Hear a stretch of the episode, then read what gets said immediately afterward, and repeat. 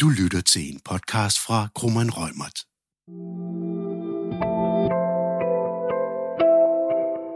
I denne podcast skal det handle om corporate PPR, hvad der gemmer sig bag det begreb, og hvorfor det er vigtigt at vide, for eksempel i forhold til grøn omstilling. Det kan du blive klogere på de næste cirka 20 minutter.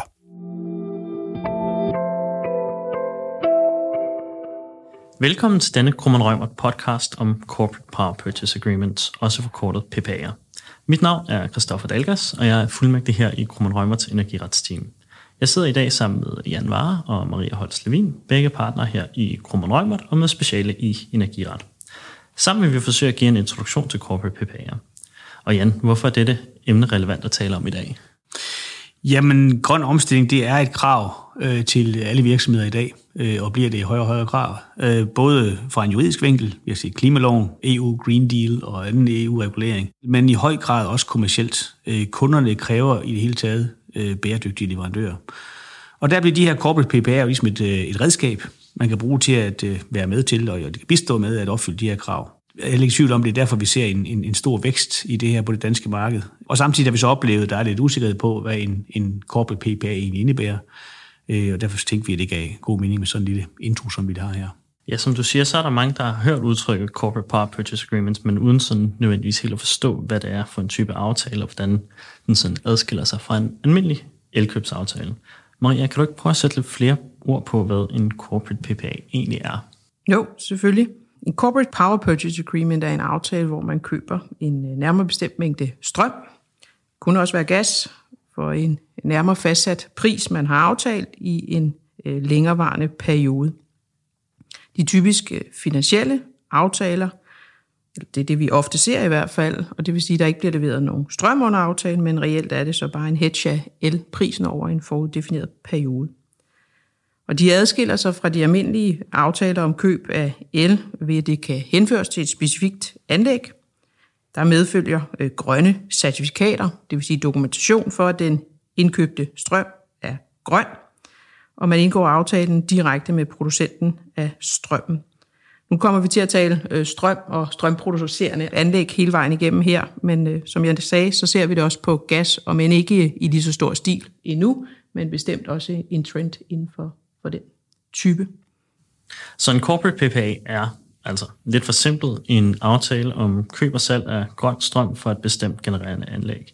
Men hvem er sådan de typiske parter, som vil indgå disse aftaler?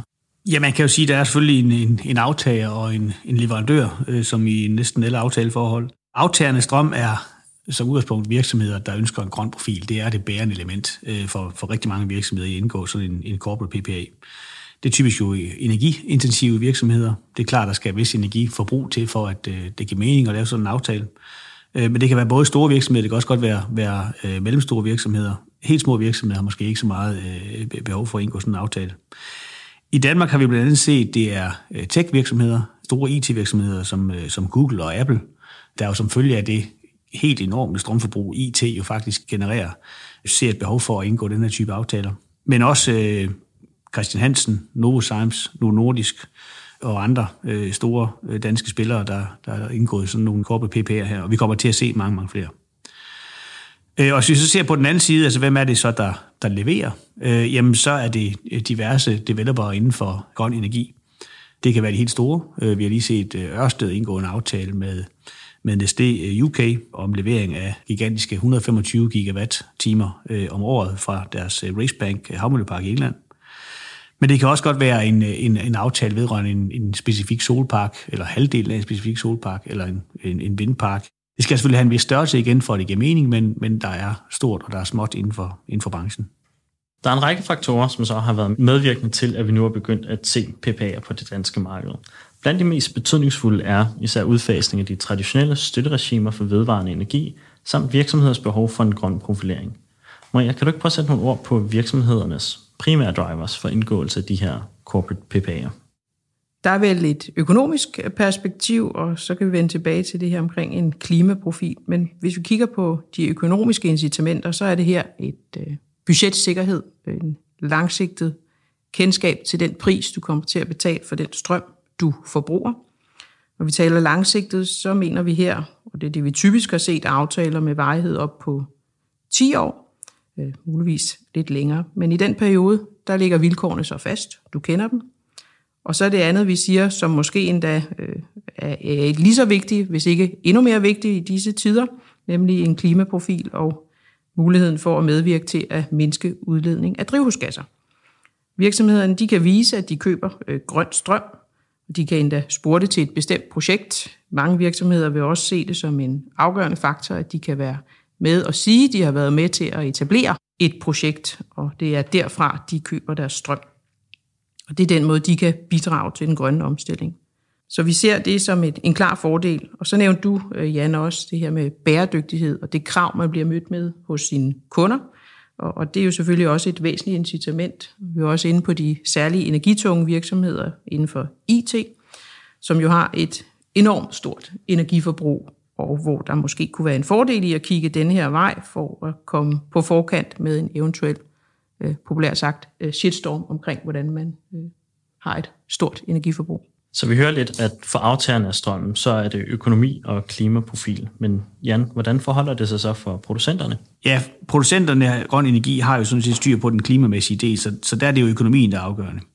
Og det er jo affødt af, at vi har de her ændrede støtteregimer, altså at støtteregimerne generelt er ved at blive udfaset, både på vind og sol og også inden for andre områder, øh, hvor tendensen er mod en meget, meget lav øh, støtte, eller faktisk overhovedet ingen støtte. Og det giver jo en udfordring på renewable-projekterne, når de skal finansieres. Tidligere har man kunnet vise banken, øh, eller forklare banken omkring de her støtteregimer, at bankerne kendte de her støtteregimer, og, og viste, viste dermed, at man jo havde en, en reelt set statsstøttet øh, indtægt, som var relativt sikret. Selvfølgelig kunne øh, solen holde op med at skinne, og vinden kunne øh, stoppe med at blæse. Men, men hvis man tager det ud af ligningen, jamen, så var man faktisk sikret en, en, en, øh, en god økonomi i de her projekter. Nu går man over på at levere strøm på øh, rene markedspriser, og der har energipriserne jo vist sig at kunne svinge ganske meget, faktisk øh, rigtig meget hen over årene. Og det er jo ikke lige øh, det, bankerne de, øh, de helst ser. Fordi det betyder jo simpelthen, at indtægten fra det ene år til det andet kan jo variere flere gange med, med flere 100 procent. Så det her med bankability bliver et, et issue, som PPA'en faktisk kan komme ind og hjælpe med. For der får man jo sikringen af de faste priser i den her afgørende start, opstartsperiode, som typisk er en 8-10 år, den periode, det typisk tager at have en, en tilbagebetaling på det, den finansiering, man har i sådan en, øh, øh, et projekt. Og der bliver PPA'en jo altså dokumentationen over for banken, øh, for at man er, garanteret en likviditetsstrøm, i hvert fald inden for den varians, der er på solen og vinden. Så man får ganske enkelt nogle, nogle bedre finansieringsvilkår. Så kunne man selvfølgelig sige, kunne man ikke bare lave sådan en, en, en elkøbsaftale og en PPA med en traditionel energihandler. Og så nogle indgås der jo også, i, og indgås der jo hele tiden. Der ser det ud til, at problemstillingen er, at, at hvor, hvor øh, priserne på de her aftaler kan være udmærket for de helt korte aftaler, så øh, bliver de altså ret, relativt dårlige, når vi er ude i de, i de lange aftaler. Så når vi er oppe på de her 8-10 år, som, som der gerne skal til, så får man ganske enkelt en relativt dårlig pris øh, fra øh, energihandlerne. Og det hænger jo sammen med, at energihandlerne de er sat i verden for at handle energi, og for at tjene øh, penge på at handle energi, og det er det, de gør. Hvor corporate-kunderne jo bedre kan tillade sig og kan risikere at komme til at betale lidt for meget på strømmen. Nu ved jeg godt, du siger, Maria, at, at de skal jo, det er jo en af fordelene, selvfølgelig også for corporate-kunderne, at de har en, en fast pris, men det er ikke det, de skal leve af. Øh, så de kan godt tåle en, en risiko for, at de måske på et tidspunkt betaler over markedspris for strømmen.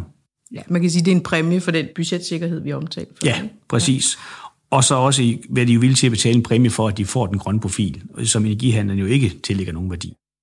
Øh, og dermed så, så får man generelt en, en højere pris gennem sådan en corporate PPA, end man ville få, hvis man gik til de traditionelle energihandlere. Så nu har vi hørt lidt om baggrunden for PPA'er, men der findes flere forskellige former for de her corporate PPA'er. Der er derfor ikke sådan en one size fits all model. Jan, kan du ikke prøve at sætte lidt ord på de forskellige typer af corporate PPA'er, som vi ser i markedet? Jo, bestemt. Altså, der er jo i, i teorien, kan man sige, tre, øh, og i realiteten øh, to. Der er det, man kan kalde sådan en behind the meter, eller direct wire PPA, hvor man har en direkte øh, forbindelse mellem produktionsanlægget og, og det sted, hvor strømmen skal, eller øh, gassen, hvis det er det, det handler om, skal forbruges. Det giver bare ikke så meget mening at tale om PPA i den sammenhæng, fordi hvis man skal have gavn af at producere strømmen direkte øh, økonomisk gavn af at producere strøm direkte fra, øh, fra et anlæg og til det sted, hvor strømmen produceres, så skal man være egen producent, det vil sige, at man skal selv eje anlægget for at opnå de afgiftsfordele, der er i det. Hvis man er det, kan man sige, så er der ikke nogen PPA. Og hvis man ikke er det, jamen, så kan man sådan set lige så godt bruge den anden model, nemlig det, der hedder sleeve PPA. Og det vil sige en aftale, hvor man som producent leverer strømmen ind på nettet, og hvor man som køberen aftager strømmen fra nettet, men man har altså en aftale om, at I, I køber det strøm, som vi leverer ind på nettet. Det vil sige, det er ikke de samme elektroner, man køber selvfølgelig, de er lidt svært at syre, men der bliver øh, købt lige så meget strøm øh, fra kunden, som der bliver leveret ind fra øh, leverandøren. Så der sker faktisk en, en overførsel af, af energi, og, det, og energi, energien, det man køber, svarer til det, man, man, øh, man bruger. Så får man sådan nogle grønne certifikater med, som er dokumentation for, at man, øh, den energi, man forbruger, den er grøn. Og så ser man altså stort på det her med, at det ikke lige nøjagtigt er de samme elektroner. Og så er der den, kan man sige, endnu mere forsimplede model, som er en, en, en finansiel PPA, og som Maria siger, den ser vi altså ganske ofte anvendt, hvor man egentlig ser bort fra, hvad leveres der af strøm Øh, fra den ene part, og hvad aftages der strøm fra den anden part, men bare aftaler en given strømmængde, og så en strike price øh, for den strømmængde. Strike-pricen, det er den pris, som man er enige om, at den skal vi udligne over for hinanden øh, op mod. Det vil sige, hvis, hvis markedsprisen den er højere end den her strike-price, jamen så får producenten jo mere for strømmen, end det var forudsat, og så skal producenten så altså give nogle penge til øh, kunden og omvendt. Så sker ikke nogen fysisk transmission af, af strøm her. Det eneste, der egentlig bliver reelt handlet, øh, det er de grønne certifikater, som øh, kunden jo gerne vil have. Øh, og så er der altså en, en sikring af økonomien, eller en hedging af økonomien på selve strømmen. Nu har vi talt lidt om, og forhåbentlig afmystificeret, hvad der gemmer sig bag udtrykket Corporate Power Purchase Agreements. Men hvilke praktiske overvejelser skal man gøre sig som virksomhed i forbindelse med indgåelse af disse PPA'er? Der er jo en lang række overvejelser, man skal gøre sig. Ikke dermed sagt, at man skal afholde sig fra det, men helt overordnet skal man spørge sig selv om, øh, hvad er ens øh, behov egentlig for strøm? Hvilken profil vil man have øh, ud af at indgå aftalen her? Hvor tæt skal tilknytningen være til det producerende aktiv? Skal man være med fra et projekts etableringsstart, eller er det et eksisterende projekt, man vil købe strøm fra? Skal det måske også være i, i nærheden af der, hvor man, man har sit øh, hovedkontor, og hvor kunderne og samarbejdspartnerne kommer, så man kan pege det over og sige, det derfra, vi aftager øh, vores strøm. Så det er mere på, på appearance-siden, og det selvfølgelig også overveje noget, hvem det er, man indgår aftalen med. Men grundlæggende skal man jo have for øje, om man vil have et øh, ejerskab, og som Jan også sagde, hvis man øh, skal eje det selv helt alene, så er der ingen grund til at tale øh, corporate PPAs her. Men man kunne være medejer, det kunne også være, at det er developeren, der skal eje aktivet. Og alt afhængig af, hvor man placerer sig på spilpladen, så giver det jo anledning til, at øh, der er en række forhold, der skal håndteres i kontrakten. Man skal tage stilling til, hvordan risikofordelingen skal være i mellem en selv og udvikleren.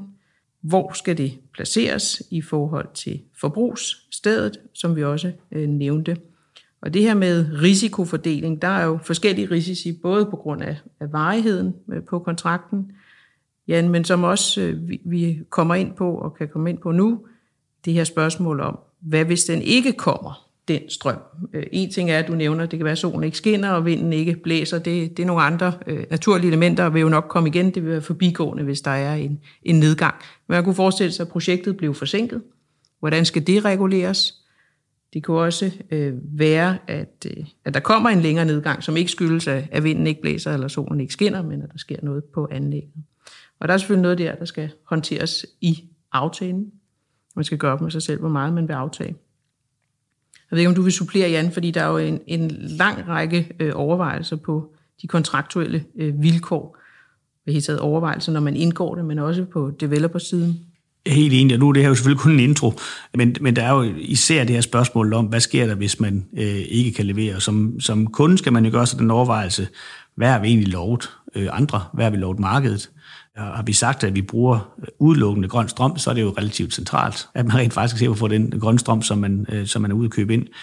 Har man ikke set den slags signaler, men, men bare i det hele taget ude at købe grøn strøm, jamen så er det måske knap så, knap så afgørende, om, om det bliver lidt forsinket, eller der er en underproduktion hvis der nu er en underproduktion, det kunne jo være en, en vindmølle, der bryder ned, eller, det, eller, eller som ikke kunne etableres alligevel på grund af nogle forhold på, ved, den, ved den konkrete park, jamen kan man så øh, levere fra et, et andet sted, så man stadigvæk får øh, den grønne strøm, man, man skulle bruge. Er det afgørende for en som kunde?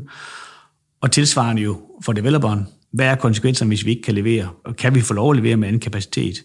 Øh, eller er vi i en situation, hvor vi kan risikere, at, at kunden kan, kan, kan løbe fra aftalen? Hvad nu, hvis vi er forsinket? Er konsekvenserne af det til at overskue, og er de rimelige i hensyn til det behov, der, der er hos kunden? I det hele taget er risikoen til at, at, at overskue og håndtere, og her skal man jo tænke på, at, at et af formålene, eller måske det primære formål for, øh, for developeren, det er jo at øh, kunne anvende det her til at sikre en finansiering. Så, så det afgørende spørgsmål bliver jo sådan set, hvad synes banken? Er banken enig i, at det, den her aftale er tilstrækkeligt sikker til, at de vil øh, finansiere projektet?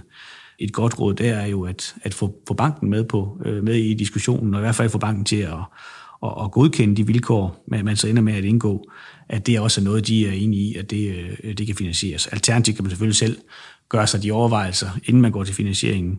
Er det her noget, som, som en bank vil se som tilstrækkeligt sikkert, at man øh, får strøm? Og det er klart, en bestemmelse om, at, at kunden kan opsige øh, kontrakten, hvis man øh, kommer i underleverance i et halvt år, jamen, den er jo ubehagelig at gå ned i banken med.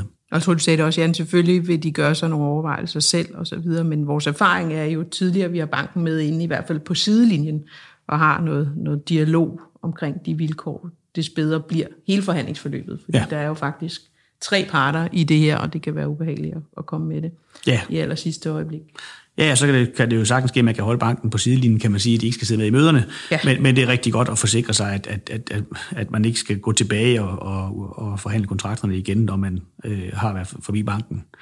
Så skal man jo også som, som udvikler jo øh, lige overveje, hvad er risikoen egentlig for, at den her køber ikke kan honorere aftalen, øh, hvad er soliditeten, det er sådan en, en, en ganske almindelig overvejelse, man har i købs- og salgskontrakter.